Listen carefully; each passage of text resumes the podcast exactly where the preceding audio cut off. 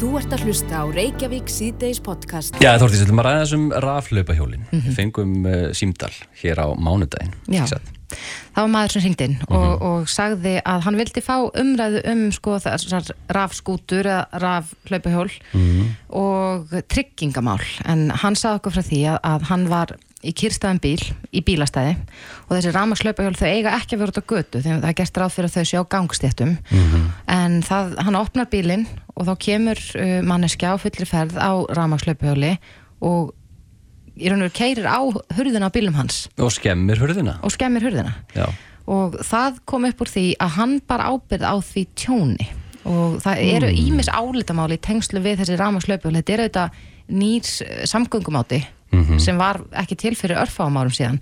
Og reglurnar í raun og veru fellur þetta held ég bara undir sko reyðhjól eh, Já, samkvæmt já. umfyralög þetta er ekki, er ekki bíll en þetta er ekki reyðhjól þetta er svona eitthvað mitt að myndli Einmitt, en kannski veit Sigrún að Þásneinsdóttir, sérfræðingur í forvörðum hjá Vís, eitthvað meira. Ertu sérfræðingur í, í rafskútunum?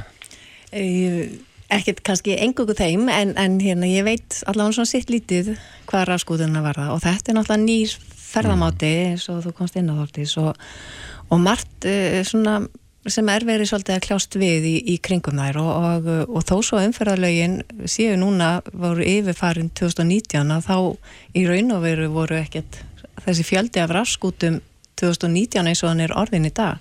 Núna er uh, um 2000 uh, rafleigu hjól Já. til hérna bara hér á höfuborgarsæðinu. Það er talað um að, að það sé 12% heimila sem að er rafskúta á heimilinu. Þannig að fjöldi þeirra er orðið miklu meira en að, að hérna og þetta er að gera svo rætt þannig að það er svona, það eru margir vakstaverkir sem fylgja.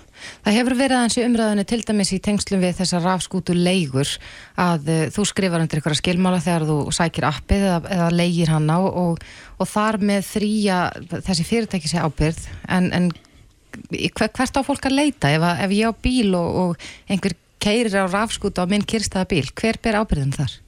Það er náttúrulega bara rosalega mismunandi eftir hvernig eh, slísið og tjónið verður en eins og í þessu til, eh, eh, í tilviki það sem allir dæmis er opnuð hurð aukumæður eða einhver í bílinum opnar hurð að þá er aukutæki eru með skildu ábyrð og eins og sagðir að þá eru raflaupa hjólina, þau eru skilgreint sem hjól í umferðalögunum og þau með ekki fara hraðar en 25 km á klukkustund.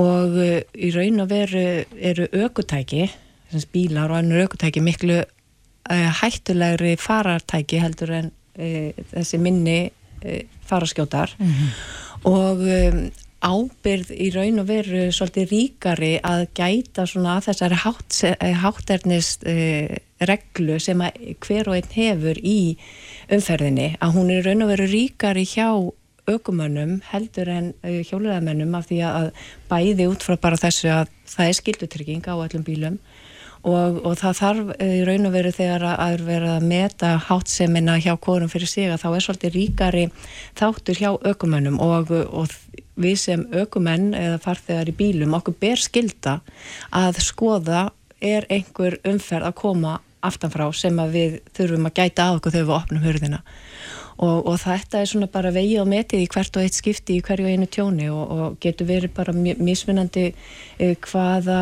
uh, slís eða tjóni eða hluti sem eru að verða í kringum þetta.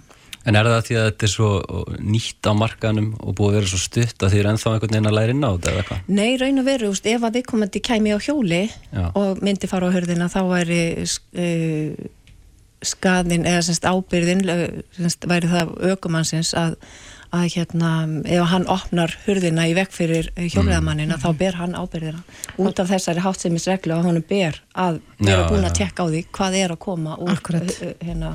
Manni finnst það bara skjóta pínu skökku við svona ljósið þess að maður má ekki vera á rafskútu út á götu það er svona Já. það sem að, að, að kannski viss- sló mann helst Já, vissulega, það, það er svolítið svona, það er svolítið sérstakt en, en þessi, þessi háttsemis regla að þarna ber bara, er hún ríkari hvað uh, þann varða sem að er í bílnum Já. Heldur að við munum sjá mörg mál af þessum toga á næstunni. Maður heyrði nú í, í kvöldröðin stöðar tvöðum dagina leigubílstjóra voru svolítið að kvarta yfir þessu að það væri verið, hefði verið ekki utan í leigubíla og, og síðan liggja hjólun oft uh, bara reynilega Já, bara eins og hráið þetta um allt. Akkurat. Já, og, og þeir sem eru á þessu leguhjólum og þeir eru í raun og veru allt og margir að skilja þau eftir bara hvar sem er og, og þegar maður er hjólandi á stígunum að, eða hérna, á annari rafskúti eða hvað sem er að þá er kannski hlaupahjóli lagt þessum á stígnum mm -hmm. og, og það er, viðkomandi er ekki að spá í nógu nægilega hvernig hann gengur frá hjólunum þannig að aðri séu ekki að slasa sig á þeim og við vitum það að það síðasta sumar að þá voru þetta þetta eitt til tvö slís að koma bara á slísadeildina að vegna raf e, hérna hlaupahjóla og ótrúlega stór hluti af þeim eru með til dæmis höfuðáverka mm -hmm. og e, 40% um það bil voru með semst, sögðu þeir að þeir væri búinir að vera að einbyrða áfengi eða önnur výmaefni og þannig að úst, eitt af því sem að, e, var nú rætt um hjá legubistjórunum að er að fólk er ekki alls skáðum helgar á raflöfinghalum og sumlönd hafa bannað leigur uh, á förstudags- og lögataskvöldum. Mm -hmm. Það kom Já. fram í fréttum bara í gær held ég að Norröður var að stíga þetta skref Já. að banna leigu á rafskútum mm -hmm. á ákvörðum tím. Já, frá 11 til 5 morgunin. Já, og það er eitthvað sem hægt er að gera hér og úst, alveg eins og það er bannað að fara á rafskútunum út fyrir ákveði svæði mm. að þá er hægt að banna það bara notkunna á ákveðnum tíma og einst líka bara það er hægt að hæja á rafskútonum eh, þegar það eru hættilegu svæði og annað þýli þær eru allar, þessar leigu skútur eru allar með GPS eh, hérna mælingar hjá sér og þá er hægt að hæja á þeim við ákveðnar aðstæður mm -hmm. og það er, úst, við þurfum bara svolítið að fara í gegnum þessa vakstaverki og, og hérna finna út hvaða leiðir eru bestar en uh, þessi slís uh, sem eru að verða að úst, stæðsti hlutin þeirra er ekkert mjög alvarleg en þetta eru, úrstæði beinbroti yfir þriðjung þeirra mm. og, og höfu áverkar um 40% tilfella og, og hérna e, hjálmanótkun er miklu betri hjá þeir sem yngri eru heldur en uh, fullornum og, og hérna mm -hmm. og það er líka svona eitt sem að mann finnst að um, framleiðendur rafskúta að þeir eru með aldurstakmörk á rafskútunum og, og hérna eru við, úst, það var síðasta sumar var yngsti einstaklingurinn að hann e, var 8 ára sem að, að fóra slísadeldina vegna slís mm. og við erum að sjá miklu fleiri krakka millir 9 og 10 ára sem er að slasast heldur nokkuð tíma 14 til 15 mm -hmm. þannig að það er einhver svona líka sem að mann myndi vilja sjá að foreldra væru svolítið að, að huga að er barnið þeirra með þroska til að vera á rafleipahjóli sem fer á 25 km hraða mm -hmm. það er hansi mikill hraði og, og hérna, þessi krakkar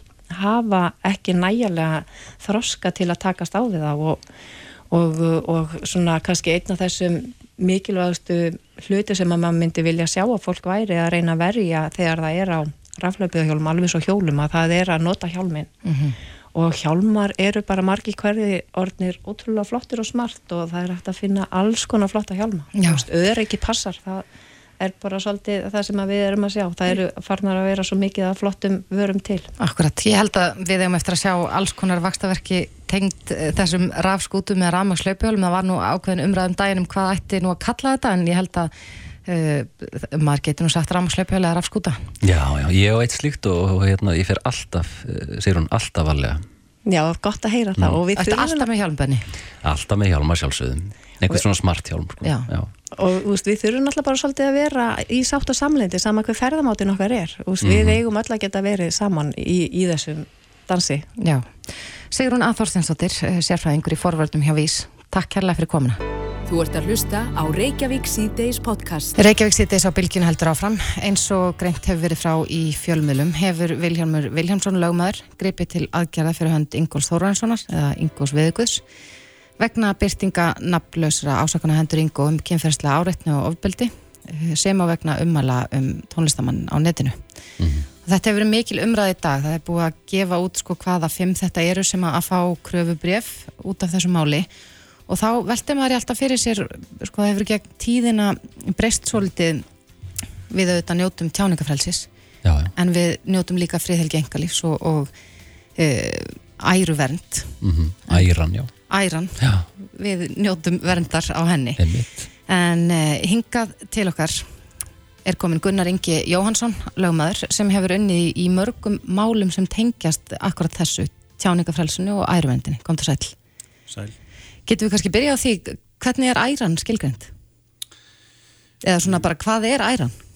Hún er kannski svo sem ekki skilgreind kannski neinstæðar í lögum eða neitt hannig en, en það hefur verið skrifað um þetta hugtak og fjallað og æra er bara einhvers konar uh, uh, getur sagt sjálfsmynd manns eða mannorð einhvers svona uh, einhver hugmyndum hver, hvað sem hann hefur um sjálfa sig og, og hvernig hann lítur á sjálfa sig og hvernig aðrir uh, líti á hann þetta er svona einhvern persónu gildi og ef að æra er meitt þá uh, kann að vera sá sem að fyrir því verður. Hann svona lítið svo á að hann hafi verið lítið lekkaður í, í augum annara þannig að þetta er einhvers svona uh, einhvers konar persónu gildi einstaklingsins. Mm -hmm. Já. Undan farin ár þá hafa oft komið í, í tiltals svona mál þar sem að einhverjir einstaklingar eru, eru sagaður um já, ofbeldi, kynfærsleita ofbeldi, áreitn og annað slíkt og, og í kjölfari hafa komið upp akkurat svona kröfur.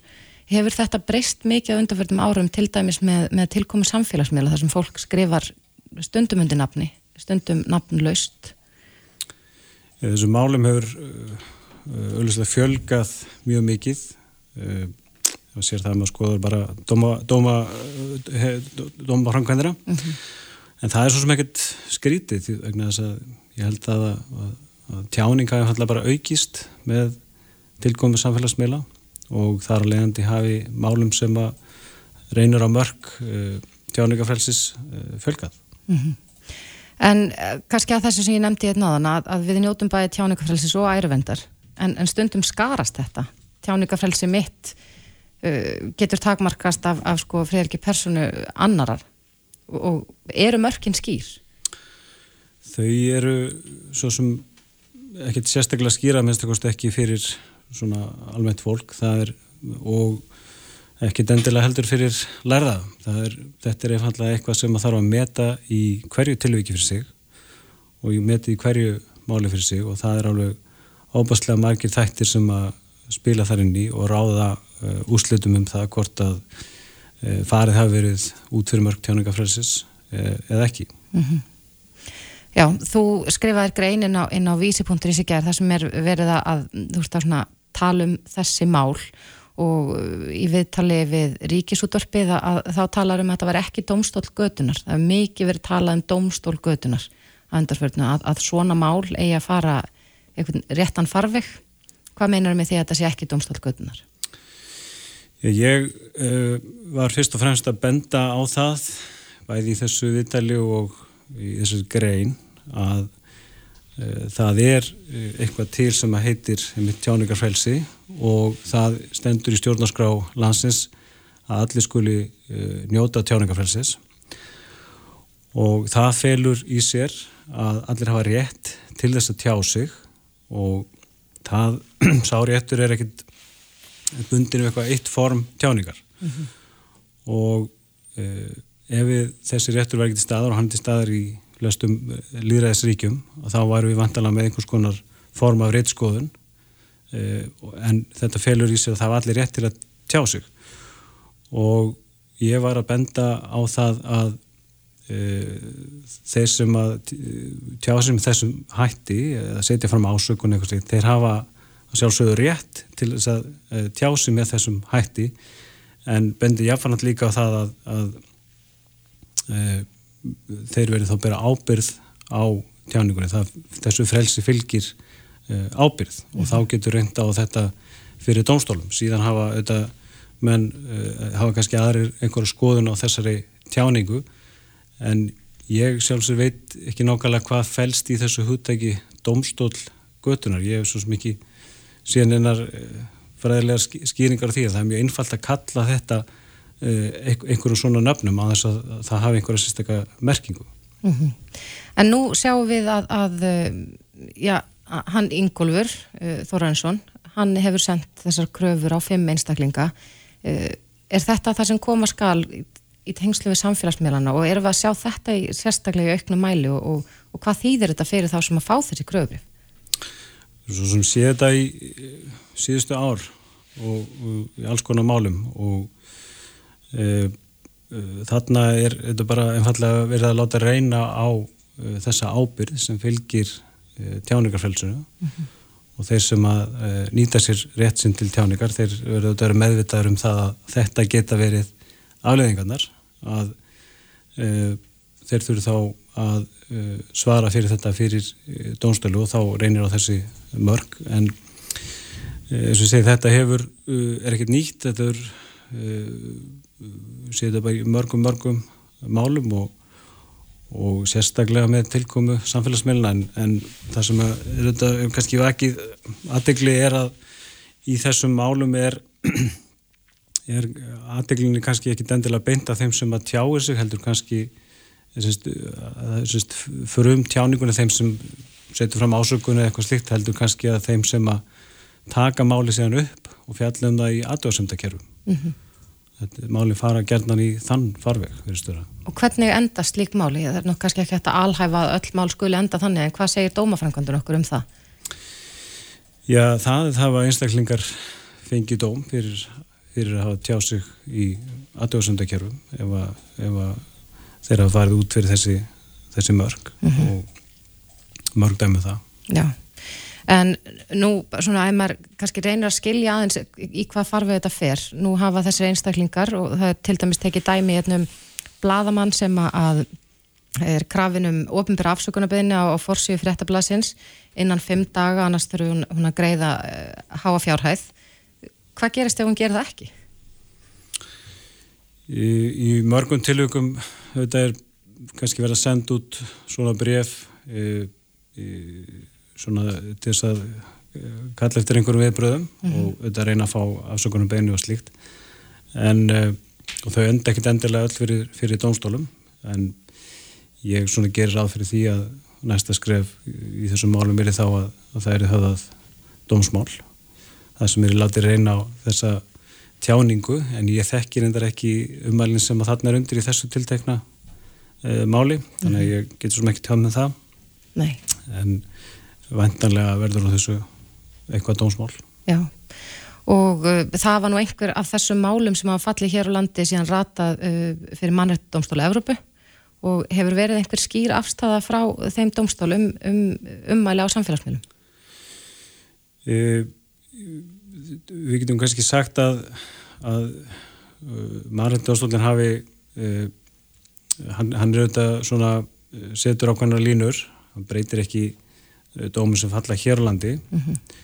en uh, uh, og það má uh, alveg örglega slá því förstu að, að umæli sem að voru talin ærumeðandi fyrir áratug kannski, væri það ekki í, í dag og það má kannski fyrst og næst taka þessum sjónamiðum sem að hafa byrst í hjá mannreitindónstóla Európu um það hva, hvers konar tjáning sé leifileg og þar á meðal er til dæmis hefur komið fram það sjónamið að, að það þurfi ekkit endilega að styðjast við einhvern uh, saga, einhvern, einhvern sagamál eða við, sá sem er sagar um eitthvað þarf ekkit endilega að hafa verið dæmdur fyrir verknæðin til þess að megi uh, setja fram ásökun eða, eða tjá sig um hans mál. Það er eitthvað sem var kannski óhugsandi fyrir uh, 10, 15, 20 árum. Já, þetta er síbreytilegt þetta er það, en mörkina hafa alltaf verið að vika. Mm -hmm. Kanski einn spurning að lókum, út af nú er, hefur verið talað um sko, ærumiðandi ummali skiptir máli hvort að maður sé ofinber persóna, einhver frægur einstaklingur eða einhver þekktur sem hefur verið ofinber aðili um lengri tíma eða bara já, einhver út í bæ? Það klart mála að, að ofinberar personur njóta friðil gengalífs og en Eh, mörkin eh, hvað þau varðar eru að einhver leiti rýmri mm -hmm. og sérstaklega eh, þegar um að ræða til dæmis stjórnmálamenn eða embetsmenn en í þessu sambandi þá skiptir máli oft til dæmis atriði eins og hvernig þessi einstaklingur hefur hagað sér hátsumi viðkomandi mm -hmm. fyrir hátsumi og uh, uh, hérna en uh, við höfum síðan dóma eins og til dæmis í þessu máli uh, gilsnegar málinu svo kalla þar sem að uh, sá einstaklingu var sannlega talin njóta friðil gengalís og það mátt ekki segja hvað sem er uh, um hann þrátt fyrir að hann verið þekktur og hefði hagað sér með einhverjum uh, umdeldum hætti. Mm -hmm. Komistu mér ekki lengra sinni og ég held að við munum nú geta fylst áfram með þessu máli í frettamælum á næstunni. Gunnar Ingi Jóhansson, lögmaður, takk kærlega fyrir komuna. Hlustaðu hvena sem er á Reykjavík C-Days podcast. Eh, nei, ég er ekki mikill hlaupari en það er ég með svona smá veika hæla. Já. Eh, nú, ef einhverja vinni mínum er að hlusta þá myndi það hlæja sko, af því þetta er bara case í vinnahofnum, alltaf bennu og hæla. Hvernig gengur þá í, í 50 dagsbóltanum? Eh, ekki verið á vel sko. Nei. en ég er búin að laga einn hælinn. Þannig að nú þarf ég bara að laga hinn og þá er ég bara fullkomin. þá myndu fara að hlaupa. Já. en það stittist aldeilis í Reykjavíkumarathóni sem er nú kannski svona stærsta hlaupið sem er hérna á hverju ári. Mm. og það verður rosa mikið skipula í kringum þetta hlaup og það var reyna að vera ekki með allt og mikla hópamyndun og, og þannig lagað. Vonandi verður þetta hlaup. Við, Já, Já. við skulum ekki vera ofsvart sem þó að það sé upplýsingafundur á morgun. Ég held að það sé ekki tilgóðs en það er eflust margir sem eru búin að skrá sig í hlaupið og eru núna allt í einu svona lítið á dagatali og bara já, heyr, það eru fimm vikur í þetta og ég hef ekki enn farið át að hlaupa. Kannastu við einhvern sem að er að hugsa þetta? Er það að hugsa um mig? ég, ég fór út að hlaupa í morgun sko, ég er alveg duglega að hlaupa en ég er ekki, ég skráði mig í hálft marathón sem ég aldrei gæst áður. Mm. þannig ég er pínu stressu fyrir því líka að vera í sumar frí fjóra vikur áður en ég uh, fer að hlaupa. Nægu tími til að æfa sér En, já, já, og, já. og þú ert mættalega með marga spurningar núna, eða ekki? Jú, þess vegna er hann Arnar Pétursson, hlaupari, komin til okkar, kom til sæl. Gaman að koma og takk fyrir mig.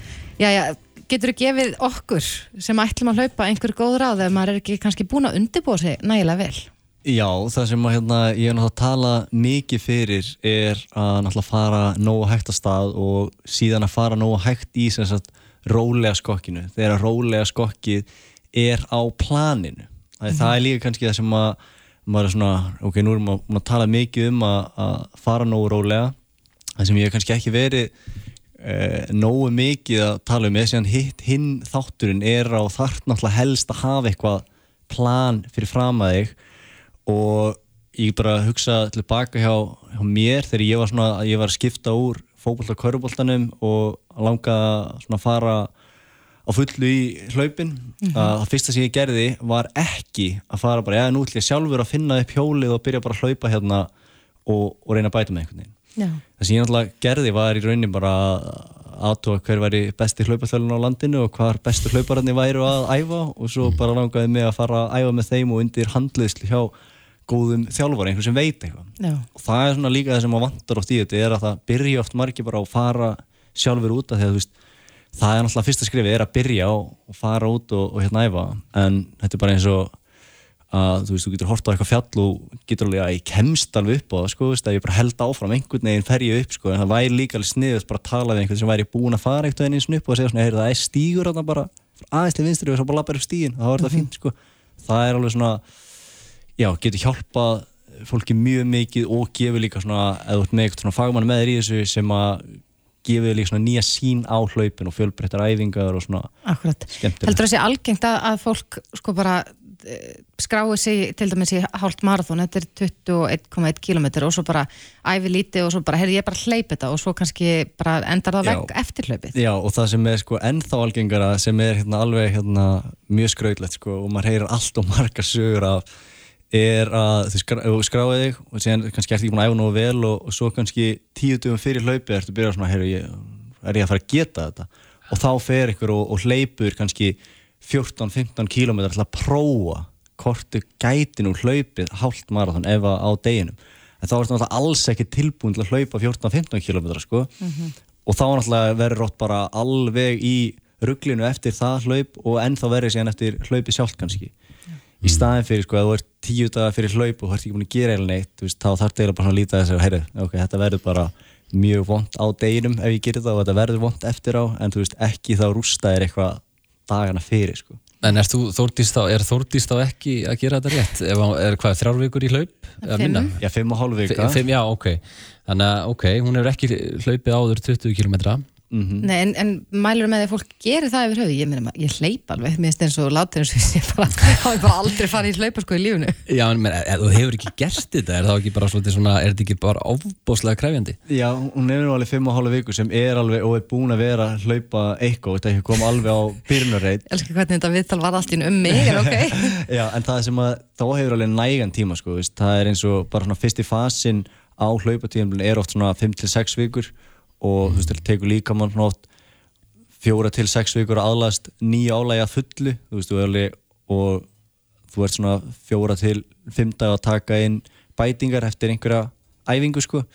Og þannig að þú verður alveg fullt af, fullt af tíma sko til að að bæta þig. Og ég er rauninni segi sko að þú það er rauninni, þegar það eru tvær vikur til stefnu og þú ert búin að gera voða lítið þá er eiginlega ekkert sem þú getur svona gert nema að svona aðeins bara hlaupa kannski 30 mínútur á dag en þú ert ekkert að fara að taka hennum svakalegum framförum á tveimu vikum sko. Nei, en þú bendir fólki á að fara hægt af stað ekki bara fara út og, og sprengja sig í fyrsta hlaupi Já, og það er líka, einmitt, það er einmitt það sem kemur oftast á óvart er að hérna, fólk fær hlaupaprógram frá mér er að það er svona algengasta spurningin er vilt í alvöruna í hlaupi svona hægt og þá er ég að tala um á þessum róli og æfingum og já, það er það sem að maður vill En hvers og, vegna?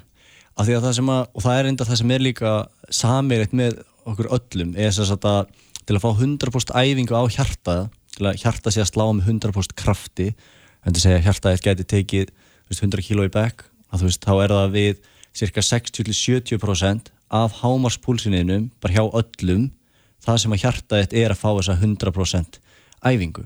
Þannig að ef þú ferð herra en það þá ertu ekkert að fá meira út úr æfingunni heldur ertu bara að gera hana erfiðari og við viljum alltaf fá eins mikið út úr æfingunum og við mögulega getum.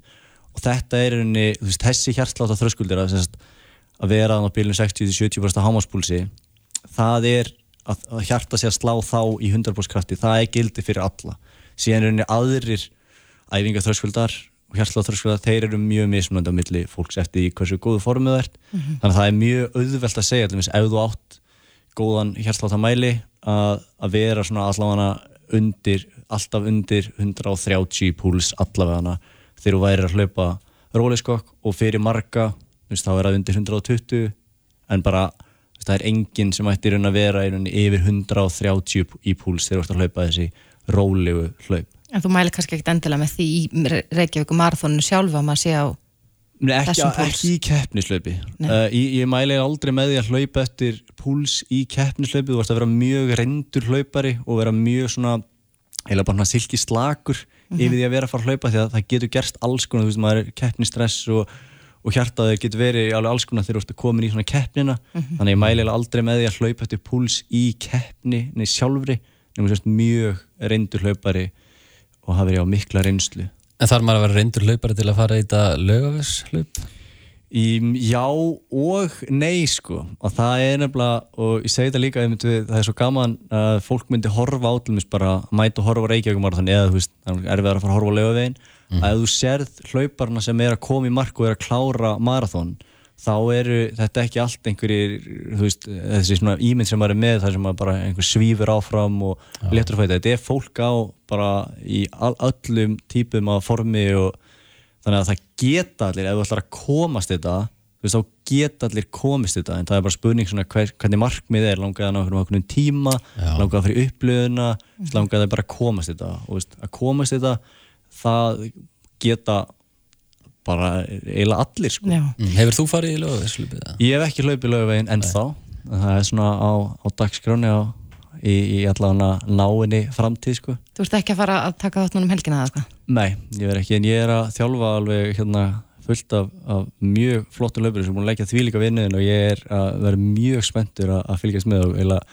gefa þeim bara svona gott sjátátt hérna, fyrir lögadagin að, að, að líka það sem að mun eftir er að þetta er líka upplöðin mm -hmm. og þetta er líka gleði og gaman og mun eftir því að brosa, vera ekki alveg að tapa sér í sko hvaða millitíma þú ætlar að ná á hvaða drikkjastuð heldur að þú ert líka bara mættur í flottu formi og það eru bara ákveðin forréttindi að geta gert þetta yfir höfuð mm. og maður að muna alltaf eftir því En þetta lögvegslaup bara fyrir þá sem ekki þekkja þetta eru 54 km þekki og fer fram um helgina Já, það fer fram um helgina og það hérna, verður mjög spennandi að fylgjast með En það er náttúrulega, þú getur farið á 5 klukkustundum og upp í fjóra daga, eða ekki? Í, Ekki nei, hlaupinu ekki hlaupinu. Í hlaupinu sjálfu þá sérst, netið er e, 359 sem að hérna, Þorbergur Ingi Jónsson á, eða Toppi sem svo flesti kalla hann. Já, og síðan er þú veist, fólk að klára þetta alveg á rúmum nýju klukkutímum líka sko. já, já. En þú þarfst samt að klára þetta á þessum sama degi. Já, ef þú Það- ætlar að já, fara í þetta já. Þetta er áhugavert, þannig að við bara sendum þetta út í, í alheimin fara hægur að stað.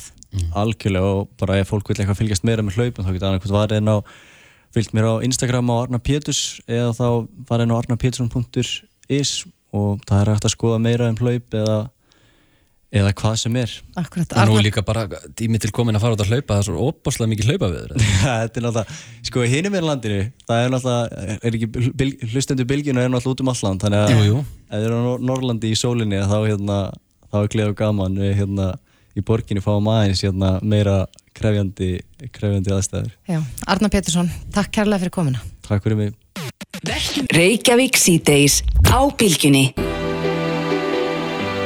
Jæja, nú ætlum við að snú okkur í allt aðra átt heldur en tónlistagetrun en tala eins um orkuskipti í fluginu. Já, Æslandir Group uh, skrifaði undir tvær viljaðilvísingar um að kanna möguleika á orkuskiptum í innanlandsflugi félagsins.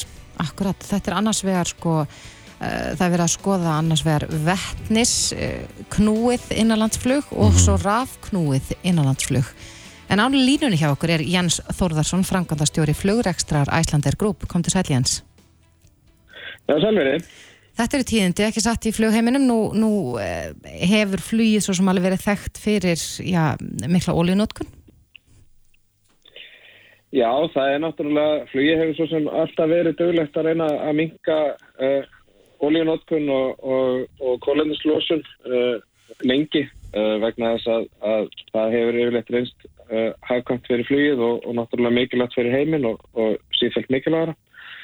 En þetta eru frábær tíðindi sem hafa átt í stað undanferðin kannski 2-3 árum þar sem við höfum verið að sjá þessa framtíðar orkugjafa fyrir flug verða raunverulegu möguleikum til að nota þá fyrst allavega í þessu skemmraflugi sem er innanlandsflug á minni vélum uh, sem að innanlandsflug Íslandi er til dæmis.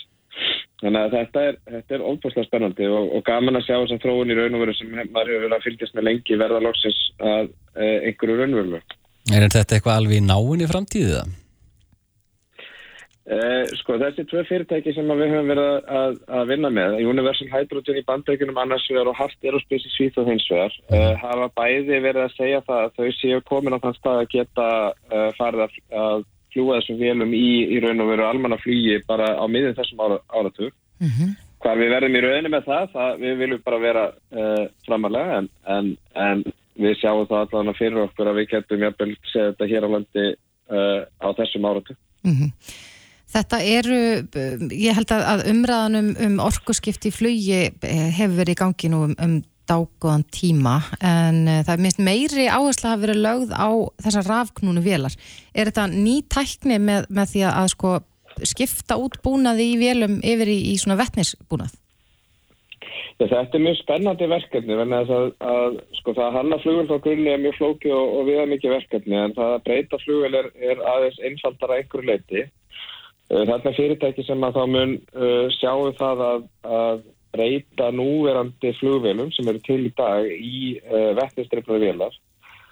Uh, tæknin er allt til til þess að gera það og þá er í raun og veru bara vant að hann hestum mun að, að túsla þess að þetta saman þannig að það passi í vélina og það tekur auðvitað einhver ára að koma því á koppin en þetta svona getur verið einfaldara leið til þess að, að, að ná þessu marki heldur en að þróa alveg nýja flugvelar.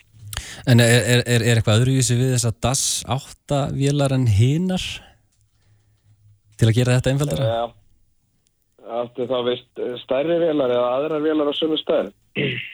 Já, bara bæði.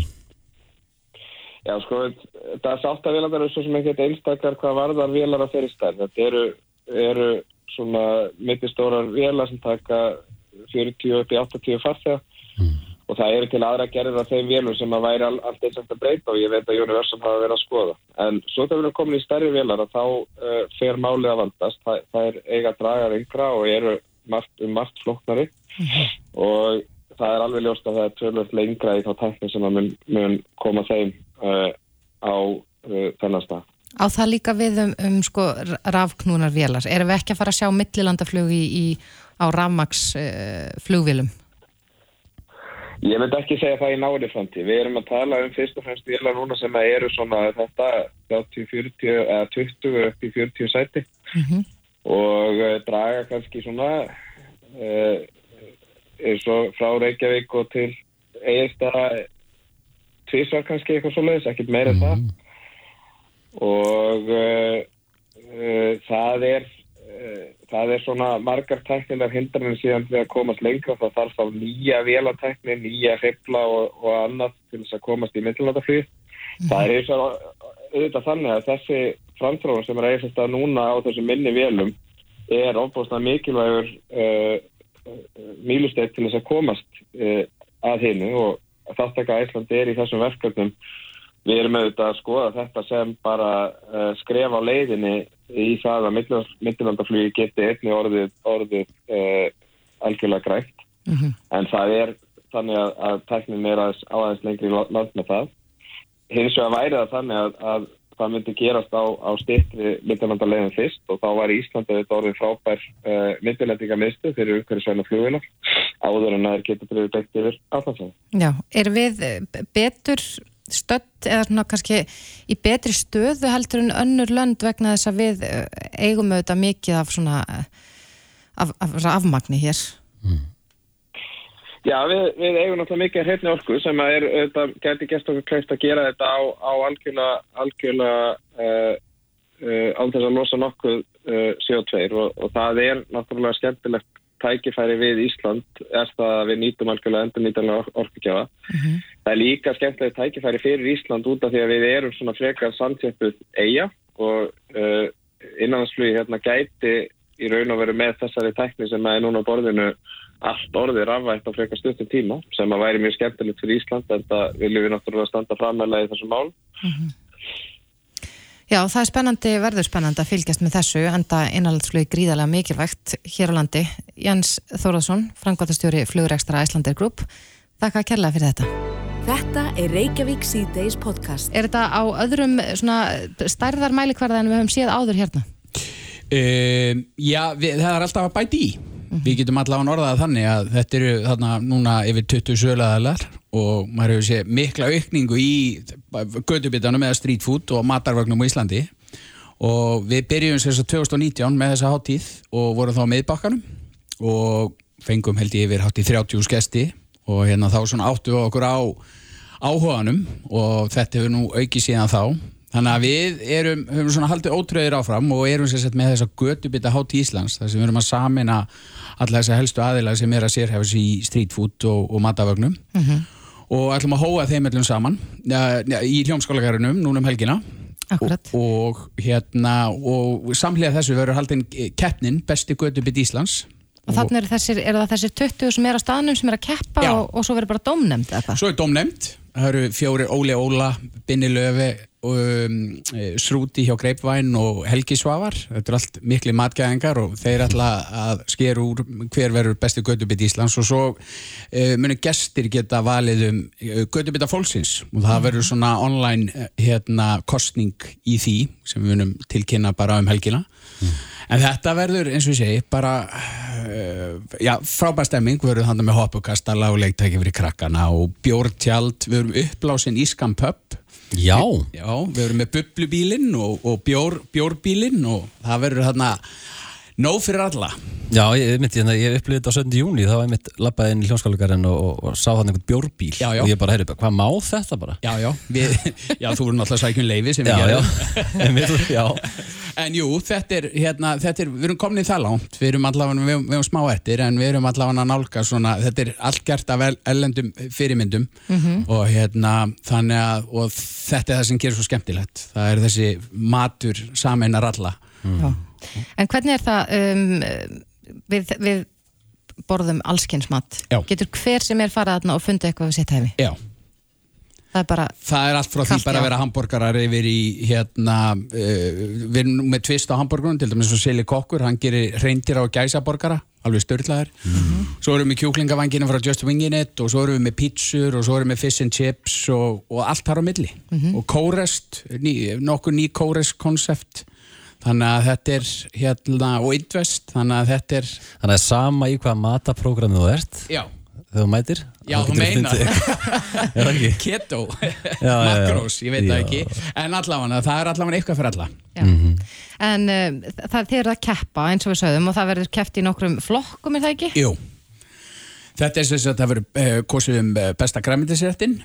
Það verður, uh, svo er bara uh, hérna bestu gödubitinn, síðan höfum við verið að velja sko bestu framsetninguna og svo er það gödubiti fólksins. Og það er, það er sagt sá sem að hérna uh, er kosin af, af gestum. Akkurat. Er ekki líka smábitin eða eitthvað? Jú, Já. ég glemdi því. Já. Það er rétt, það er Hva- hvað- flokkast undir smábita? Herðu, þetta er á ennsku er þetta the be best snack. Já. Já, hann er bara hálfgerið myndbiti Já. Já. Þannig að við breytum sér bara í smábitin. En þa- þetta er eitthvað svona alþjóðlega keppni líka sem er oft haldinn, European Street Food Awards. Já. Er síðan sá sem vinnur fyrir hann og keppir ekstra út? Já, er já, við sem sagt 2019 þá hérna heldum við keppnina hérna fyrst hérna heima og sá sem við reynda sigraði hann bara komst ekki, hann komst ekki með vagnin sinn út þannig að Jöm sem að var þá gödubiti fólksins, þau fór út og keppti fyrir hand Íslands og keppti í Malmö við fimm, neða allir hafa verið ekki 15 eða 16 önnur lönd sem voru að taka þátt og bara gekk voru held í þriðja eða fjórðasæti að þessum 15 þannig að þetta er svona alþjóðlega keppni og, og, hérna, og er eins og þeir segja þetta er stærsta gödubita keppni í heimi.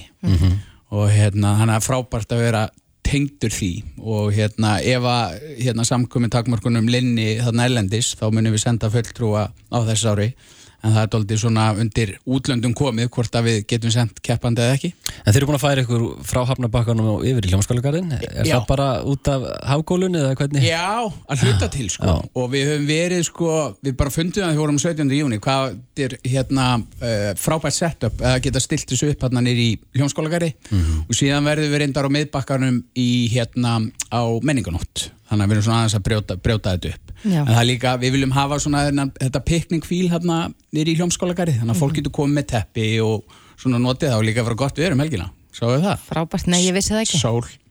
Ég, ég, hann sagði hérna Pétur að það væri först í einhverjum, einhverjum hvað sagður? Ég bara búin að gleyma Við erum först í veður kerfi Já. En það, það var enda bara næstu þér á daga eða tvo, eitthvað.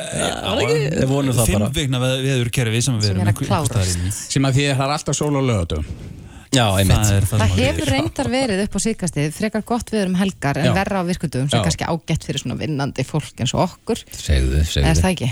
En þú veist bara því að næsta ári þá er ég til í að vera í domnefnd Herðu, Ég er aldrei í domnefnd í neinu svona. Herðu, ég, ég seti, seti á blað Mm. Erstu mikill matgæðingur, borðar ekki grænmeti? Nei, hann, hann taldi upp rosalega óvallan mat hérna, ég var bara svangur á að hlusta á hann sko.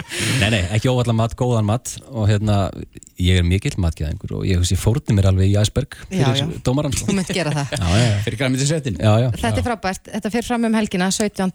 og 18. júli. Já, við frá 1 til 8 á lögadaginn og svo frá 1 til 6 á sunnundaginn Róbert Aron Magnússon, forsvarsmaður Götu Bytta Hátíðar Íslands, takk hérlega fyrir komuna. Takk Reykjavík síðdeis á bylgjunni. Reykjavík síðdeis á bylgjunni podcast.